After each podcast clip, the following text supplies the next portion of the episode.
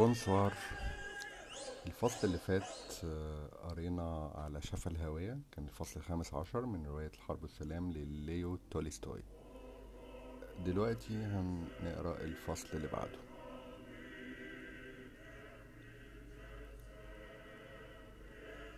الفصل السادس عشر خطة الاختطاف.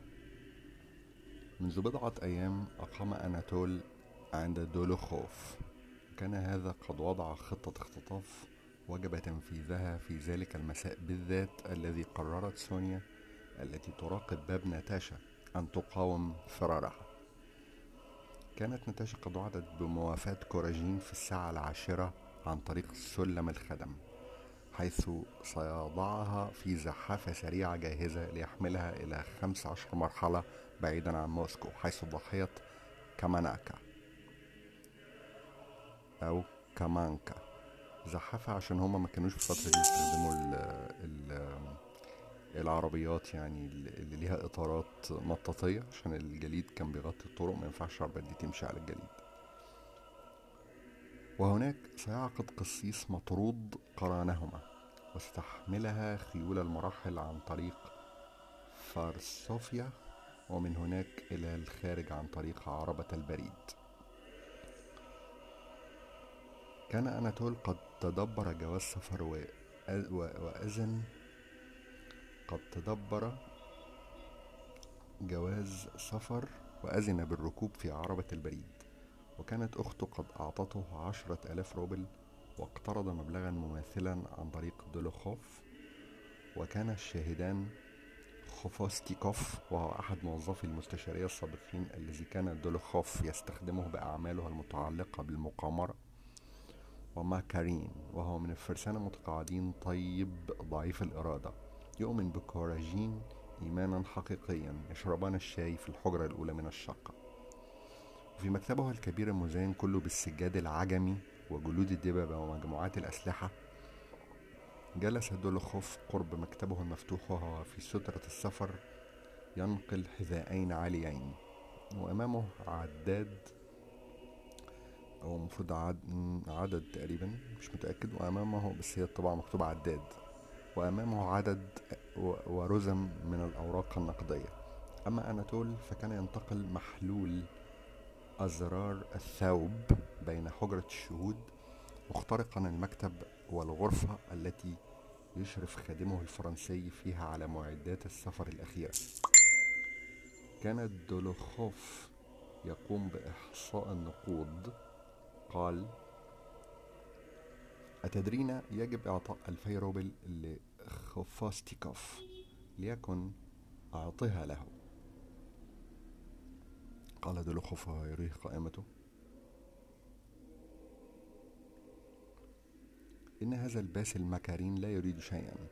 إنه على استعداد لإلقاء نفسه في النار إرضاء لك. هيا لقد انتهت الحسابات. هل ترضيك؟ أجاب أناتول الذي لم يسمع شيئا بل كان يحدق أمامه تائها وعلى شفتيه ابتسامته الخالدة. بالطبع بكل تأكيد. أغلق دولوخوف مكتبه بجلبة وخاطب صديقه بلهجة ساخرة قائلا اسمع دع عنك كل هذه المسألة لا يزال في الوقت متسع. هتف الأخير يا سخيف لا تنطق بالحماقات. لو كنت تعلم هل يظن ألح دولوخوف. حقا. دعك دع عنك هذا. إنني أكلمك جديا. إن القضية غير مضمونة. أتدري قال أناتول وهو يعبس هيا. ها إنك تعاود الكرة. إنك تزعجني آخر الأمر. اذهب إلى كل الشياطين. ها. إنني لست في حالة تساعدني على إلى هذرك. اتجه نحو الباب فشايعه دولوخوف بابتسامة مطاوعة ساخرة. هتف به. انتظر قليلا لست أمزح. إنني جاد كل الجد. تعال هيا. عاد أناتول على أعقابه واستجمع كل انتباهه. وراح يتأمل دولوخوف الذي كان يخضع رغما عنه لنفوذه. لآخر مرة أرجوك أن تصغي إلي. لم أمزح. لم لا. لما أمزح. هل وضعت لك مرة العصي في العجلات؟ من الذي رتب كل شيء؟ من الذي اكتشف القص من الذي حصل على جواز السفر؟ من الذي عرف كيف أتدبر المال؟ إنه أنا. أجاب أناتول صحيح. وإنني أشكرك من أجل هذا. هل تتصور مرة أنني لست لك شكورا؟ لقد ساعدتك وهذا معترف به. لكن من واجبي أن أقول لك الحق. إن المغامرة خطيرة بل وحمقاء. إذا معنا فيها النظر حسنا إنك تخطفها حسنا جدا. هل تظن أن الأمر سيقف عند هذا الحد؟ إذا عرفوا أنك متزوج قبل هذه المرة سوف يرفعون أمرك إلى القضاء. قال أناتول وقد عاد مكتئبا حماقات كل هذه لكنني فسرت لك من قبل. راح أناتول بعناد الأشخاص المحدودين الذين حشوا رؤوسهم بشيء أقنعهم يكرر على دلخوف الحجة التي كررها مئة مرة عدا. قد شرحت لك من قبل وجهة نظري في الموضوع وراح يعد على أصابعه إذا كان هذا الزواج غير رسمي فإنني لا أحتمل أي مسؤولية. وإذا كان رسميا ماذا يهمني لن يعرف أحد بأمره في الخارج. اثنان هذا صحيح أليس كذلك؟ إذا ولا كلمة بعد ولا كلمة. صدقني أصرف النظر عن كل هذا سوف يسوء المنقلب. قال أناتول اذهب إلى الجحيم. وأمسك برأسه بين يديه وخرج ثم عاد بعد قليل وتربى على مقعده بجانب دولوخوف تماما. أمسك بيده ووضعها على قلبه وقال ألف رعد ما معنى هذا؟ خذ انظر كم يخفق. آه يا له من قدم يا عزيزي يا لها من نظرة. آلهة. رهن. رحض الخوف يتمعن في أناتولا شفته ابتسامة باردة في عينيه لهيب مشتعل وهو يجد لذة كبيرة في مشاكسته دون ريب. وعندما تنفق المال كله ماذا تعمل؟ هدت هذه النظرية التي لم يفكر فيها أناتول قط قواه. كرر. ماذا سأعمل؟ ماذا سأعمل؟ لعمري لست أدري. إلى الشيطان كل هذه الخزعبلات. واختتم قوله وينظر إلى ساعته لقد حان وقت الذهاب. ومضى إلى الحجرة الخلفية وصاحب الخدم هولا يا زمرة المتوانين. ألم تنهوا بعد هولا دي صيحة بيقولوها الروس يعني الفترة دي كانوا بيقولوها حتى لما يجوا يطلعوا مثلا يعملوا حملة صيد باستخدام الكلاب ذئب ولا حاجة أو لما يجوا مثلا في حرب طالعين برضو الفرسان في الأمام يطلقوا الصيحة دي هولا فكل الإيه الجنود يتحركوا معاهم في الزحف يعني. حزم دلخوف المال وأمر خادمه أن يهيئ شيئا يأكلونه قبل الرحيل ثم ذهب إلى الغرفة التي كان خفوستيكوف ومكارين فيها. كان أناتول مستلقيا على أريكة المكتب يبتسم بشرود وحنان ويغمغم بوضع كلمات بين شفتيه جميلتين. هتف به دولوخوف من الحجرة المجاورة تعال كل شيئا اشرب قطحا على الأقل. فأجاب أناتول دون أن يكف عن الابتسام. كلا شكرا. تعال إن بلاجة هنا. نهض أناتول ومضى إلى غرفة الطعام. كان بلاجة وهو مؤجر زحافات مشهور يعرف الصديقين اللذين كثيرا ما احتاجوا إلى خدماته. منذ خمس أو ست سنين لقد حمل أناتول أكثر من مرة من تفير مساء عندما كان فيلقه مخيما هناك ليصل به إلى موسكو عند الفجر ويعيده في الليلة التالية إلى مركزه. وهو الذي أفلت دولخوف أكثر من مرة من مطاردات مزعجة. ونقل الصديقين أكثر من مرة عبر المدينة بصحبة بوهيميين وسيدات صغيرات كما كان يقول. وكثيرا ما دعس بعض المارة أو قلب عربات خلال تلك الجولات.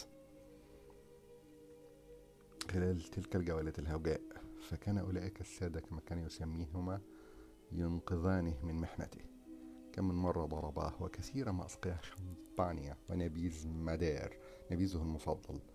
إنه يعرف عن كل منهما أكثر من مغامرة تقضي أقلها بهما إلى منافي سيبيريا. كان يدعوان بلاجا غالبا إلى مائدتهما الحافلة ويرغمان على الشراب والرقص مع البوهيميين.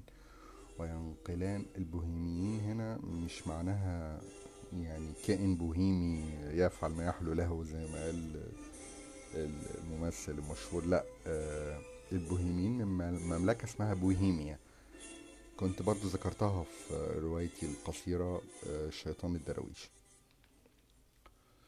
وينقلان بواسطة ورقة من ذات الألف روبل أكثر من مرة. لقد غامر بحياته في خدمتهما عشرين مرة للخطر كل عام أو غمر بجلد ظهره على الأقل وأضاع عددا من الخيول أكبر من أن تفي الأموال التي اقتضاها منهما بثمنها.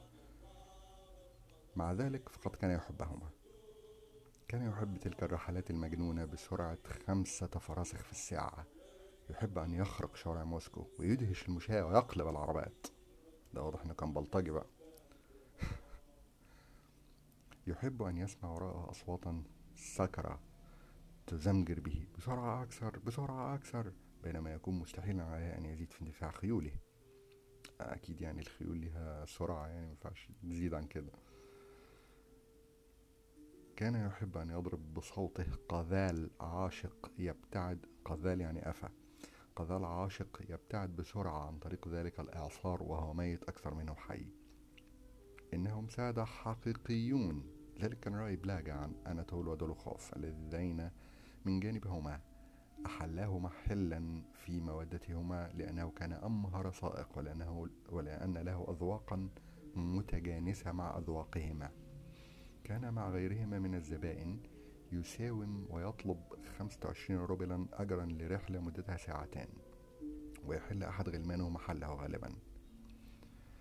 لكن مع هؤلاء, مع هؤلاء السادة كان يقود العرب بنفسه ولا يسألهما قط ضانقا وعندما يبلغه عن طريق وصيفيهما إنهما يملكان مالا مرة كل ثلاثة أو أربعة شهور كان يزورهما صباحا قبل أن يشرب شيئا. واسألهما بعد أن يحييهما بصوت خافت أن ينقذاه من محنة مالية. فكان سادته يجلسانه دائما. كان يقول يا فيدور إيفانيتش يا سيدي الطيب الطبيب أو يا صاحب السعادة لا تبخل علي بكتفك. لم يبقى عندي حصان واحد ويجب مع ذلك أن أمضي إلى سوق العرض. أقرضني ما تستطيع. وحينئذ يعطيه أناتول ودلخوف إذا كان مثيرين ورقة أو ورقتين من ذات الألف روبل. كان بالجا فتى أشقرا في السابعة والعشرين من عمره تقريبا. مربوع القامة ملون الوجه. غليظ العنق أشد احمرارا من وجهه. قصير اللحية لامع العينين صغيرهما. كان يرتدي فوق فروته القصيرة جلبابا أزرقا من قماش ناعم مبطن بالحرير. رسم إشارة الصليب أمام الصورة المقد... أمام الصورة المقدسة وتقدم نحو دولوخوف ومد له يده الصغيرة الداكنة وقال له ينحني احتراماتي لفيدور إيفانوفيتش. مرحبا يا عزيزي. آه ها هو. وقال لأناتول الذي دخل في تلك اللحظة ويمد له يده. احتراماتي لسعادتك. قال أناتول وهو ضع يده على كتفه اسمع يا بلاجة هل تحبني حقيقة؟ هم؟ الأمر يتعلق بخدمة تؤديها لي أية خيل جئت بها؟ هم؟ تلك التي أمرتني بقطرها الحيوانات المتوحشة إذا انتبه يا بلاجة اقتل خيولك إذا وجب الأمر ولكن اقطع الطريق في ثلاث ساعات هم؟ اعترض بلاجة وهو يغمز, بعينيه بمكر إذا تركتها تتفق كيف نصل زمجر أناتول فجأة وهو يدير عينيه كبرتين لا تمزح أو حط مبوزك قال الحذي ضحكا المزاح لا يسيء أبدا هل أرفض شيئا لسادتي سنمضي بأقصى سرعة بالطبع قال أناتول حسنا والآن اجلس وألح الخوف اجلس هيا إنني مستريح هكذا يا فيدور إيفانوفيتش قال أناتول ويصب له قطحا كبيرا من خمرة ماديرا لا حاجة إلى رسميات اجلس وأبلغ التمعت عين الحوزي لدى رؤية النبيذ. طبعا النبيذ بالنسبة للروس قديما وحديثا تالي مش مجرد مشروب روحي يعني عشان يسكروا أو يلتزوا بطعمه لا هو كان ليه ضرورة كمان آه، خاصة بالطقس متعلقة بتدفئة الجسم يعني. خصوصا زمان ما كانش عندهم مكيفات هواء ولا حاجة يعني. وبعد أن رفض تأدبا تجرع القطح. طبعا المفروض برضو ملحوظة يعني مني. المفروض الكأس مش القطح. القطح اللي هو الكأس الفارغ من المشروب لكن الكأس هو القطح اللي فيه مشروب أيا كان نوع المشروب. تجرع القطح ومسح شفتيه بوشح أحمر كان يخفيه قلان سواته إذا متى تذهب يا صاحب السعادة؟ قال أناتول بعد أن نظر إلى ساعته ولكن فورا ولكن اعلم يا بلاجة انتبه ها؟ يجب أن نصل في الوقت المناسب قال بلاجا قد يتوقف على الرحيل. فإذا تم على ما يرام وبعد لما لا نصل في الوقت المعين قد ذهبنا مرة في سبع ساعات إلى تفير. إنك تتذكر ولا شك يا صاحب السعادة. قال أناتول ابتسم هذه الذكرى والتفت نحو مكارين الذي كان يلتهمه بنظراته بغباء. نعم أتعلم ذات مرة في عيد الميلاد جئت من تفير. نعم تصور يا عزيزي أن السرعة كانت تقطع أنفاسنا. وبلحظة واحدة بينما كانت قافلة تقطع علينا الطريق قفزنا فوق عربتين ماذا تقول؟ فعقب بلغ محدثا دولوخوف ولكن يا لها من خيول تلك لقد وضعت إلى جانبي أدهامي مهرين جميلين ليكون حصاني الجانبين. هل تصدق يا فيدور إيفانويتش لقد قطعت, قطعت هذه الحيوانات الصغيرة خمسة عشر مرحلة دون توقف؟ كان الصقيع شديدا. وكانت أيدينا مخدرة لا يمكننا إمساك الأعنة بها. وتركت. أعنة قلت امسكها يا صاحب السعادة. وسقطت كتلة واحدة داخل الزحافة. آه لقد أثرت تلك أثرت تلك الحيوانات تماما لكنني لم أستطع الإمساك بالأعنة حتى النهاية. قد قطعنا المسافة في ثلاث ساعات. الشياطين! كأن الحصان الأيسر نفق عقب ذلك. آه، طبعا الفصل بيتكلم عن تمهيد لخطف ناتاشا أو هروب ناتاشا مع أناتول. آه، بيستعرض طبعا سرعة العربة والكلام ده كله. طيب المرة الجاية نقرأ الفصل السابع عشر فشل الخطة. Bonsoir. الفصل اللي فات آه، قرينا على شفا الهاوية كان الفصل الخامس عشر من رواية الحرب والسلام لليو تولستوي دلوقتي هنقرأ الفصل اللي بعده.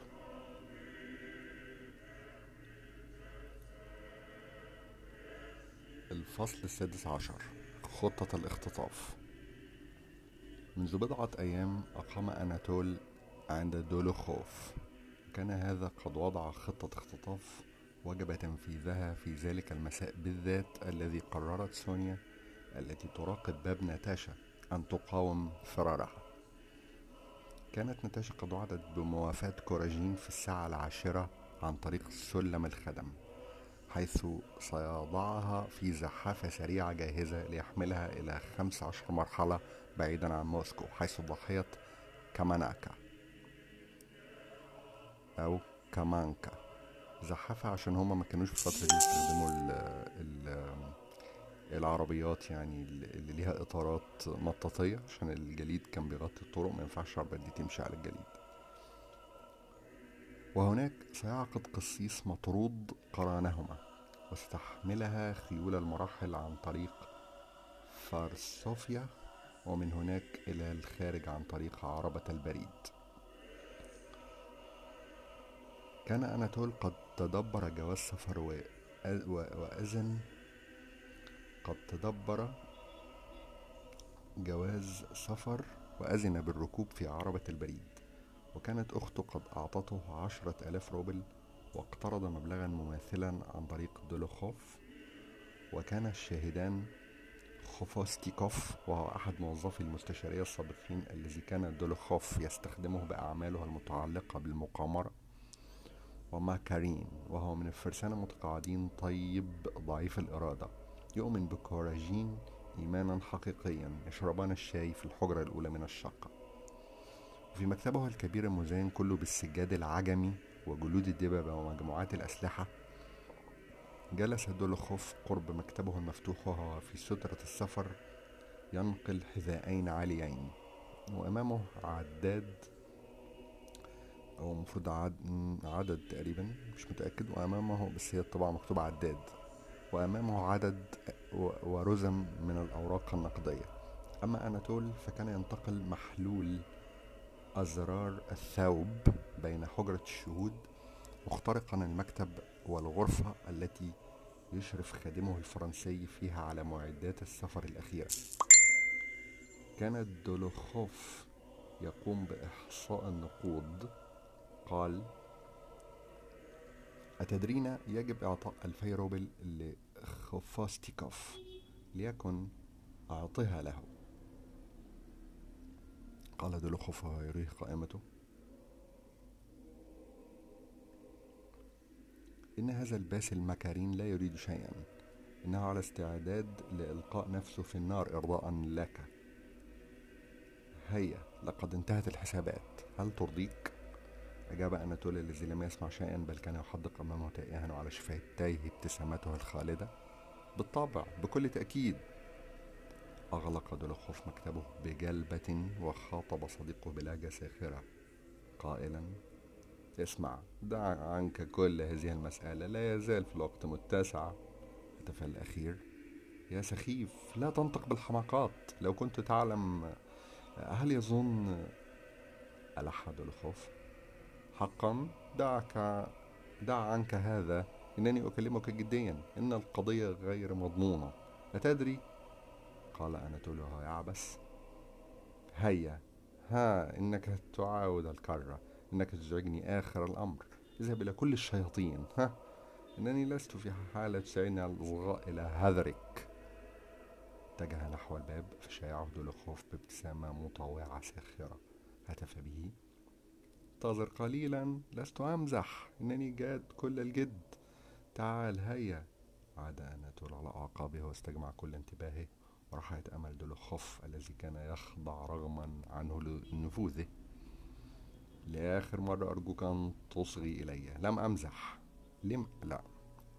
لما أمزح. هل وضعت لك مرة العصي في العجلات؟ من الذي رتب كل شيء؟ من الذي اكتشف القس من الذي حصل على جواز السفر؟ من الذي عرف كيف يتدبر المال؟ إنه أنا. اجاب اناتول صحيح. وإنني أشكرك من أجل هذا. هل تتصور مرة أنني لست لك شكورا؟ لقد ساعدتك وهذا معترف به لكن من واجبي أن أقول لك الحق. إن المغامرة خطيرة بل وحمقاء. إذا معنا فيها النظر حسنا إنك تخطفها حسنا جدا. هل تظن أن الأمر سيقف عند هذا الحد؟ إذا عرفوا أنك متزوج قبل هذه المرة سوف يرفعون أمرك إلى القضاء. قال أناتول وقد عاد مكتئبا حماقات كل هذه لكنني فسرت لك من قبل. راح أناتول بعناد الأشخاص المحدودين الذين حشوا رؤوسهم بشيء أقنعهم يكرر على دولوخوف الحجة التي كررها مائة مرة عدا. قد شرحت لك من قبل وجهة نظري في الموضوع وراح يعد على أصابعه إذا كان هذا الزواج غير رسمي فإنني لا أحتمل أي مسؤولية. وإذا كان رسميا ماذا يهمني؟ لن يعرف أحد بأمره في الخارج. اثنان هذا صحيح أليس كذلك؟ إذا ولا كلمة بعد ولا كلمة. صدقني أصرف النظر عن كل هذا سوف يسوء المنقلب. قال أناتول اذهب إلى الجحيم. أمسك برأسه بين يديه وخرج ثم عاد بعد قليل وتربع على مقعده بجانب دولوخوف تماما. أمسك بيده ووضعها على قلبه وقال الفرعد ما معنى هذا؟ خذ انظر كم يخفق. آه يا له من قدم يا عزيزي يا لها من نظرة. آلهة رهن؟ راح دولخوف يتمعن في أناته شفته ابتسامة باردة في عينيه لهيب مشتعل وهو يجد لذة كبيرة في مشاكسته دون ريب. وعندما تنفق المال كله ماذا تعمل؟ هدت هذه النظرية التي لم يفكر فيها أناتول قط قواه. كرر. ماذا سأعمل؟ ماذا سأعمل؟ لعمري لست أدري. إلى الشيطان كل هذه الخزعبلات. واختتم قوله وينظر إلى ساعته. لقد حان وقت الذهاب. ومضى إلى الحجرة الخلفية وصاح بالخدم هولا يا زمرة المتوانين ألم تنهوا بعد؟ هولا دي صيحة بيقولوها الروس يعني الفترة دي كانوا بيقولوها حتى لما يجوا يطلعوا مثلا يعملوا حملة صيد باستخدام الكلاب ذئب ولا حاجة أو لما يجوا مثلا في حرب طالعين برضو الفرسان في الأمام يطلقوا الصيحة دي هولا! فكل الإيه الجنود يتحركوا معاهم في الزحف يعني. حزم دولخوف المال وأمر خادمه أن يهيئ شيئا يأكلونه قبل الرحيل ثم ذهب إلى الغرفة التي كان خفوستيكوف ومكارين فيها. كان أناتول مستلقيا على أريكة المكتب يبتسم بشرود وحنان ويغمغم بوضع كلمات بين شفتيه جميلتين. هتف به دولوخوف من الحجرة المجاورة. تعال كل شيئا اشرب قطحا على الأقل. فأجاب أناتول دون أن يكف عن الابتسام. كلا شكرا. تعال إن بلاجا هنا. نهض أناتول ومضى إلى غرفة الطعام. كان بلاجا وهو مؤجر زحافات مشهور يعرف الصديقين اللذين كثيرا ما احتاجوا إلى خدماته.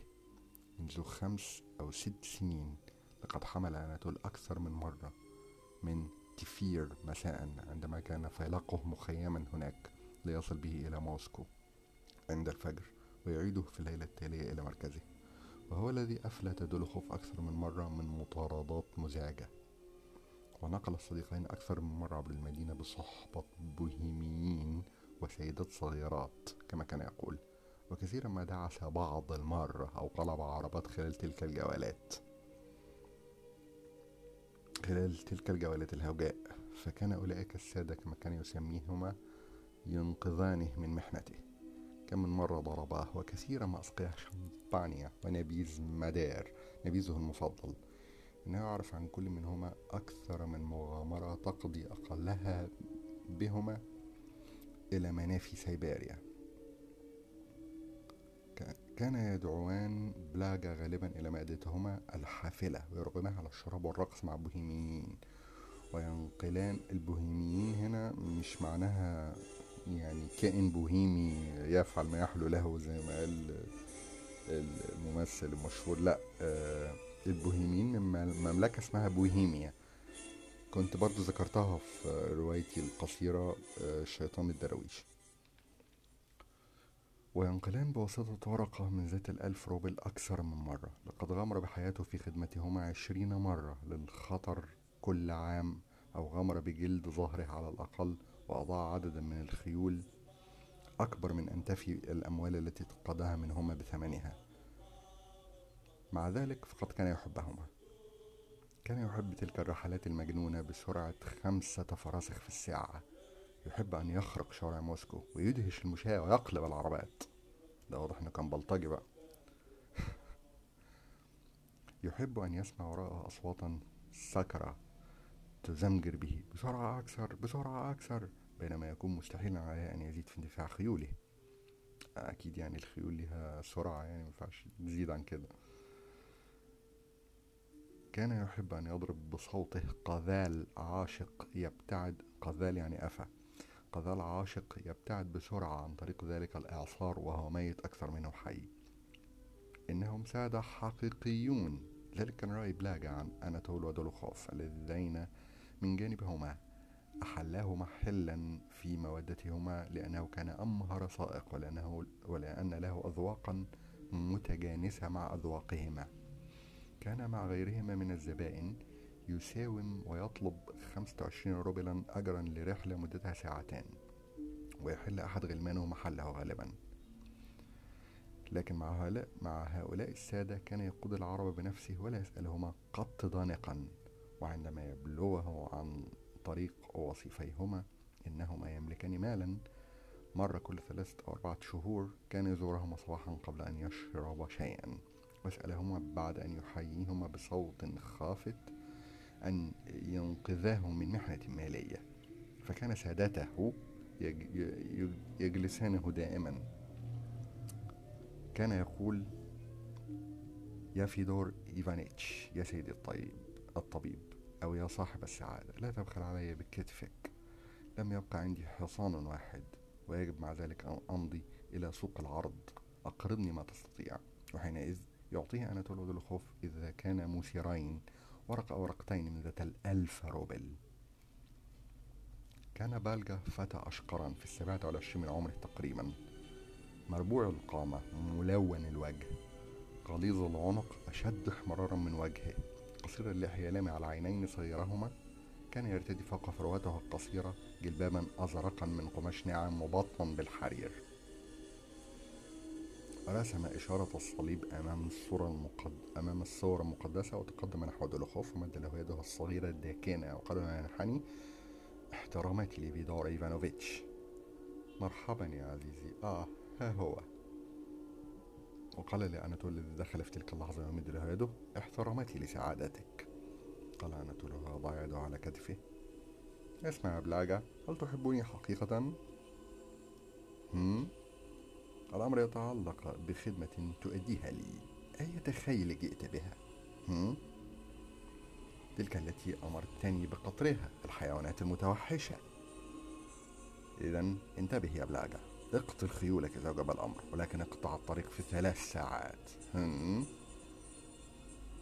اعترض بلاجة وهو يغمز بعينيه بمكر. إذا تركتها تتفق كيف نصل؟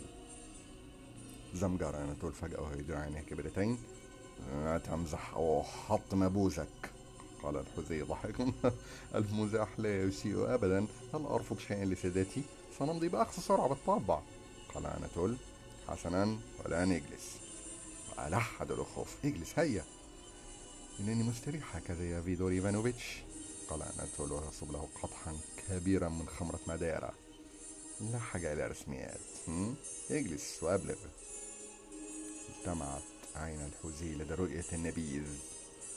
طبعا النبيذ بالنسبة للروس قديما وحديثا تالي مش مجرد مشروب روحي يعني عشان يسكروا أو يلتزوا بطعمه لا هو كان ليه ضرورة كمان آه، خاصة بالطقس متعلقة بتدفئة الجسم يعني. خصوصا زمان ما كانش عندهم مكيفات هواء ولا حاجة يعني. وبعد أن رفض تأدبا تجرع القطح. طبعا المفروض برضو ملحوظة يعني مني. المفروض الكأس مش القطح. القطح اللي هو الكأس الفارغ من المشروب لكن الكأس هو القطح اللي فيه مشروب أيا كان نوع المشروب. تجرع القطح ومسح شفتيه بوشح أحمر كان يخفيه قلان سواته إذا متى تذهب يا صاحب السعادة؟ قال أناتول بعد أن نظر إلى ساعته. ولكن فورا ولكن اعلم يا بلاجة انتبه ها؟ يجب أن نصل في الوقت المناسب قال بلاجة قد يتوقف على الرحيل. فإذا تم على ما يرام وبعد لما لا نصل في الوقت المعين قد ذهبنا مرة في سبع ساعات إلى تفير. إنك تتذكر ولا شك يا صاحب السعادة. قال أنا له ابتسم هذه الذكرى والتفت نحو مكارين الذي كان يلتهمه بنظراته بغباء. نعم أتعلم ذات مرة في عيد الميلاد جئت من تفير. نعم تصور يا عزيزي أن السرعة كانت تقطع أنفاسنا. وبلحظة واحدة بينما كانت قافلة تقطع علينا الطريق قفزنا فوق عربتين ماذا تقول؟ فعقب بلغ محدثا دولوخوف ولكن يا لها من خيول تلك لقد وضعت إلى جانبي أدهامي. مهرين جميلين ليكونا حصاني الجانبين. هل تصدق يا فيدور إيفانويتش لقد قطعت, قطعت هذه الحيوانات الصغيرة 15 مرحلة دون توقف. كان الصقيع شديدا. وكانت أيدينا مخدرة. لا يمكننا إمساك الأعين بها. وتركت.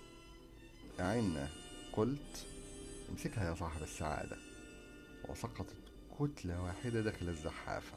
آه لقد أثرت تلك أثرت تلك الحيوانات تماما لكنني لم أستطع الإمساك بالأعين حتى النهاية. قد قطعنا المسافة في ثلاث ساعات. الشياطين! كان الحصان الأيسر نفق عقب ذلك. آه طبعا الفصل بيتكلم عن تمهيد لخطف ناتاشا أو هروب ناتاشا مع أناتول آه بيستعرض طبعا سرعة العربة والكلام ده كله. طيب المرة الجاية نقرأ الفصل السابع عشر. فشل الخطة. Bonsoir.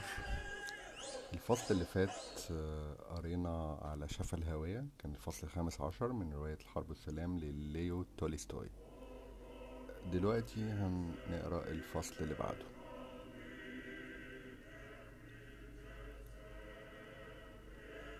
الفصل السادس عشر خطة الاختطاف. منذ بضعة أيام أقام أناتول عند دولوخوف. كان هذا قد وضع خطة اختطاف وجب تنفيذها في ذلك المساء بالذات الذي قررت سونيا التي تراقب باب ناتاشا أن تقاوم فرارها. كانت ناتاشا قد وعدت بموافاة كوراجين في الساعة العاشرة عن طريق سلم الخدم حيث سيضعها في زحافة سريعة جاهزة ليحملها إلى 15 مرحلة بعيدا عن موسكو حيث ضحية كاماناكا أو كامانكا. زحافة عشان هما ما كانوش في الفترة دي يستخدموا العربيات يعني اللي ليها إطارات مطاطية عشان الجليد كان بيغطي الطرق ما ينفعش العربيات دي تمشي على الجليد. وهناك سيعقد قسيس مطرود قرانهما واستحملها خيول المراحل عن طريق فارسوفيا ومن هناك إلى الخارج عن طريق عربة البريد.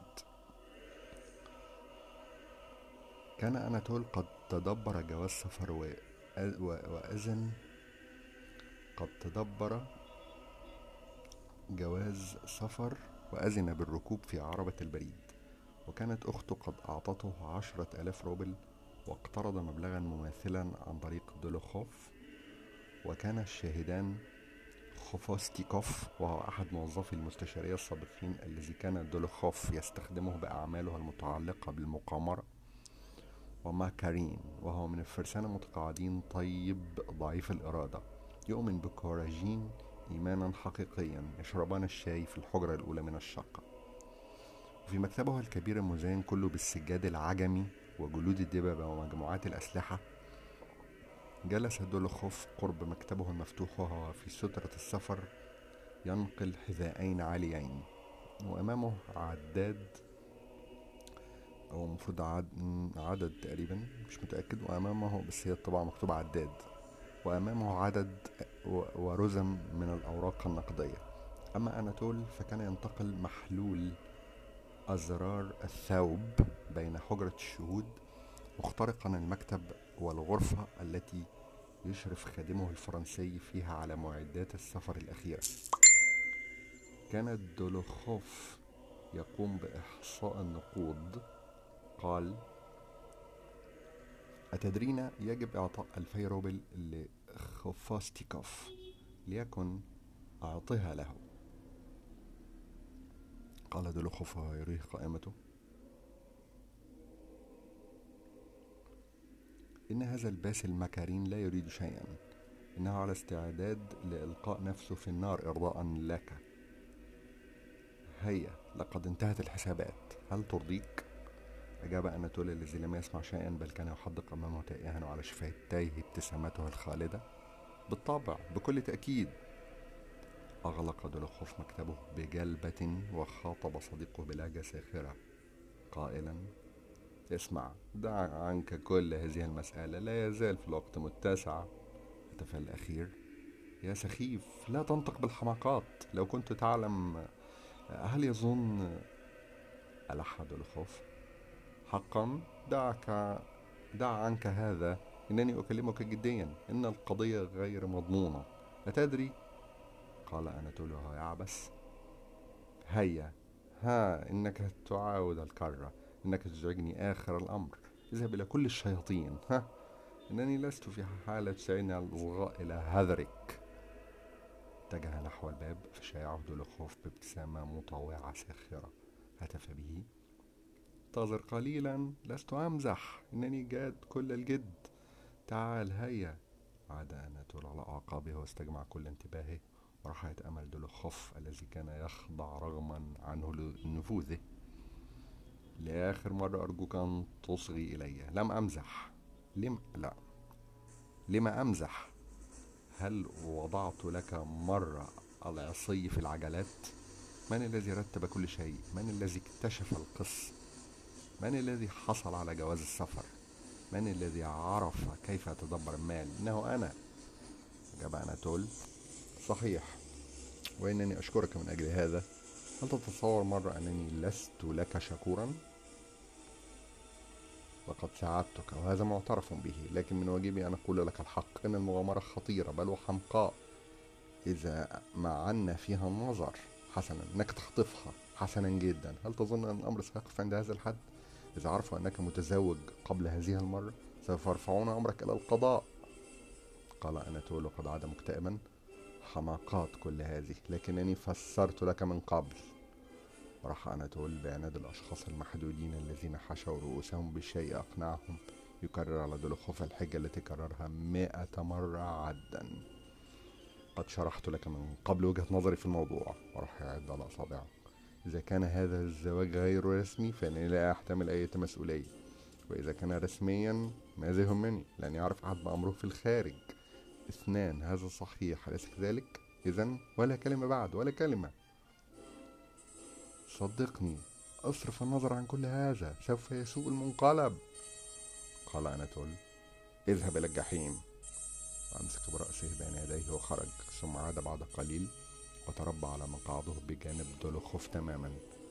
أمسك بيده ووضعها على قلبه وقال ألف رعد ما معنى هذا؟ خذ انظر كم يخفق. آه يا له من قدم يا عزيزي يا لها من نظرة. آلهة رهن؟ رحض الخوف يتمعن في أناتول شفته ابتسامة باردة في عينيه لهيب مشتعل وهو يجد لذة كبيرة في مشاكسته دون ريب. وعندما تنفق المال كله ماذا تعمل؟ هدت هذه النظرية التي لم يفكر فيها أناتول قط قواه. كرر. ماذا سأعمل؟ ماذا سأعمل؟ لعمري لست أدري. إلى الشيطان كل هذه الخزعبلات. واختتم قوله وينظر إلى ساعته لقد حان وقت الذهاب. ومضى إلى الحجرة الخلفية وصاح بالخدم هولا يا زمرة المتوانين ألم تنهوا بعد؟ هولا دي صيحة بيقولوها الروس يعني الفترة دي كانوا بيقولوها حتى لما يجوا يطلعوا مثلا يعملوا حملة صيد باستخدام الكلاب ذئب ولا حاجة أو لما يجوا مثلا في حرب طالعين برضو الفرسان في الأمام يطلقوا الصيحة دي هولا فكل الإيه الجنود يتحركوا معاهم في الزحف يعني. حزم دلخوف المال وأمر خادمه أن يهيئ شيئا يأكلونه قبل الرحيل ثم ذهب إلى الغرفة التي كان خفوستيكوف ومكارين فيها. كان أناتول مستلقيا على أريكة المكتب يبتسم بشرود وحنان ويغمغم بوضع كلمات بين شفتيه جميلتين. هتف به دولوخوف من الحجرة المجاورة. تعال كل شيئا اشرب قطحا على الأقل. فأجاب أناتول دون أن يكف عن الابتسام. كلا شكرا. تعال إن بلاجا هنا. نهض أناتول ومضى إلى غرفة الطعام. كان بلاجا وهو مؤجر زحافات مشهور يعرف الصديقين اللذين كثيرا ما احتاجوا إلى خدماته. منذ خمس أو ست سنين لقد حمل أناتول أكثر من مرة من تفير مساء عندما كان فيلقه مخيما هناك ليصل به إلى موسكو عند الفجر ويعيده في الليلة التالية إلى مركزه. وهو الذي أفلت دولوخوف أكثر من مرة من مطاردات مزعجة.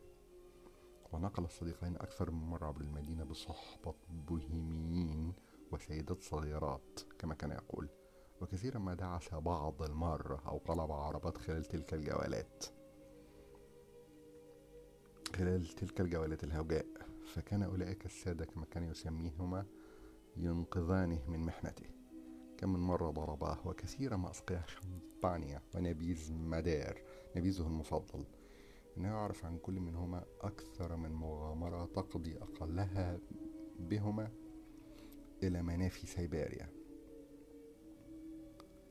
كان يدعوان بلاجا غالبا إلى مائدتهما الحافلة ويرغمان على الشراب والرقص مع البوهيميين.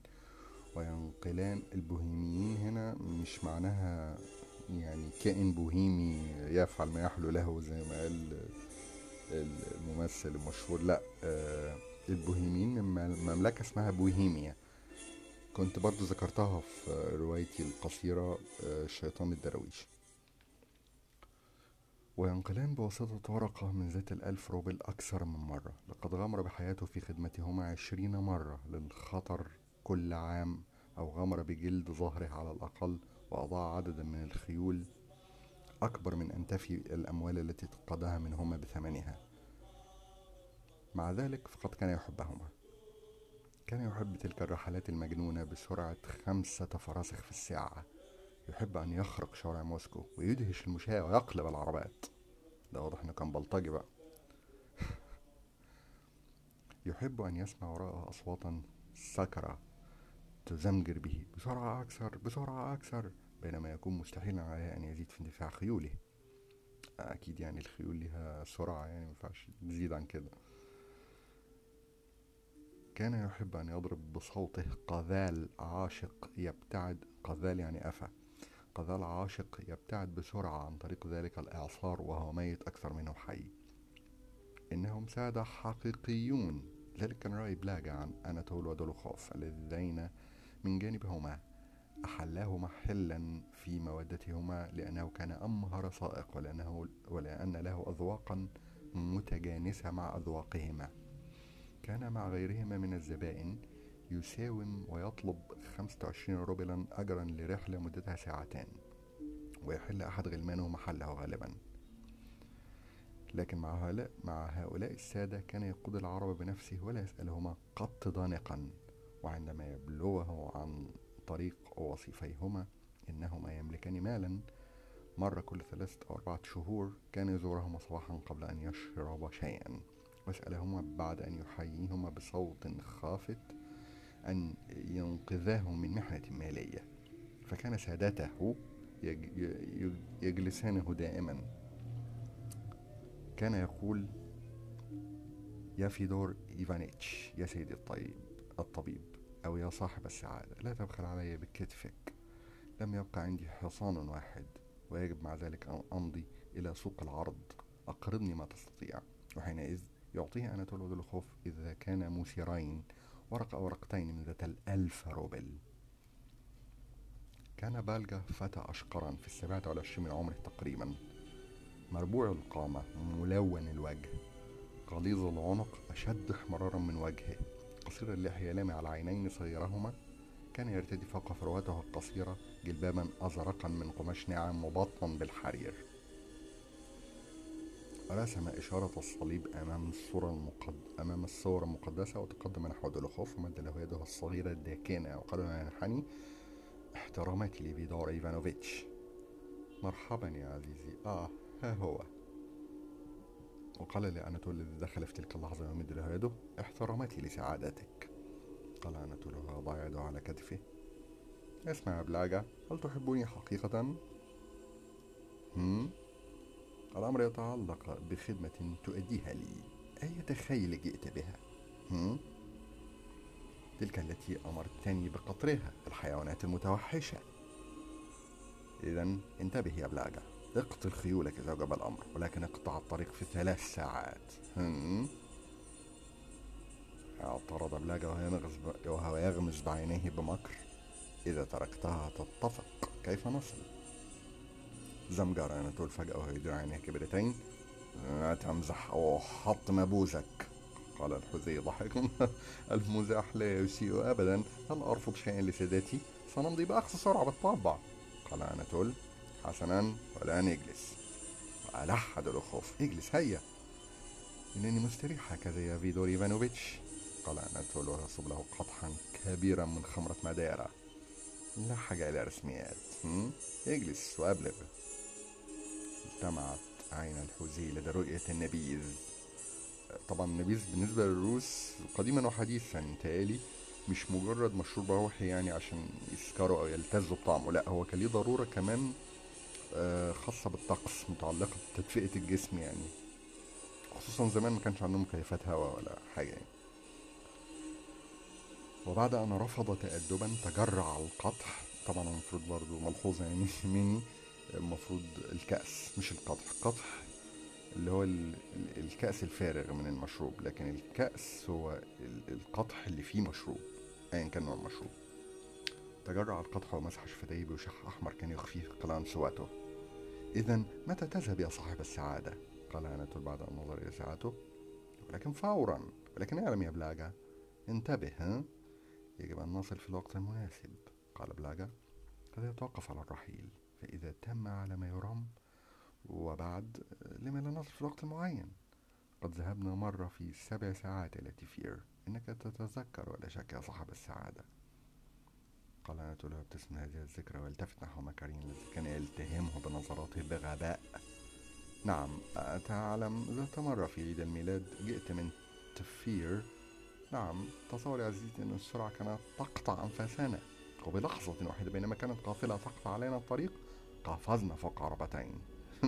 ماذا تقول؟ فعقب بلغ محدثا دولوخوف ولكن يا لها من خيول تلك لقد وضعت إلى جانبي أدهامي. مهرين جميلين ليكون حصاني الجانبين. هل تصدق يا فيدور إيفانويتش لقد قطعت, قطعت هذه الحيوانات الصغيرة خمسة عشر مرحلة دون توقف. كان الصقيع شديدا. وكانت أيدينا مخدرة. لا يمكن إمساك الأعين بها. وتركت. أعنا قلت امسكها يا صاحب السعادة. وسقطت كتلة واحدة داخل الزحافة. آه لقد أثرت تلك أثرت تلك الحيوانات تماما لكنني لم أستطع الإمساك بالأعين حتى النهاية. قطعنا المسافة في ثلاث ساعات. الشياطين! كأن الحصان الأيسر نفق عقب ذلك. آه، طبعا الفصل بي- بيتكلم عن تمهيد لخطف ناتاشا أو هروب ناتاشا مع أناتول آه، بيستعرض طبعا سرعة العربة والكلام ده كله. طيب المرة الجاية نقرأ الفصل السابع عشر. فشل الخطة.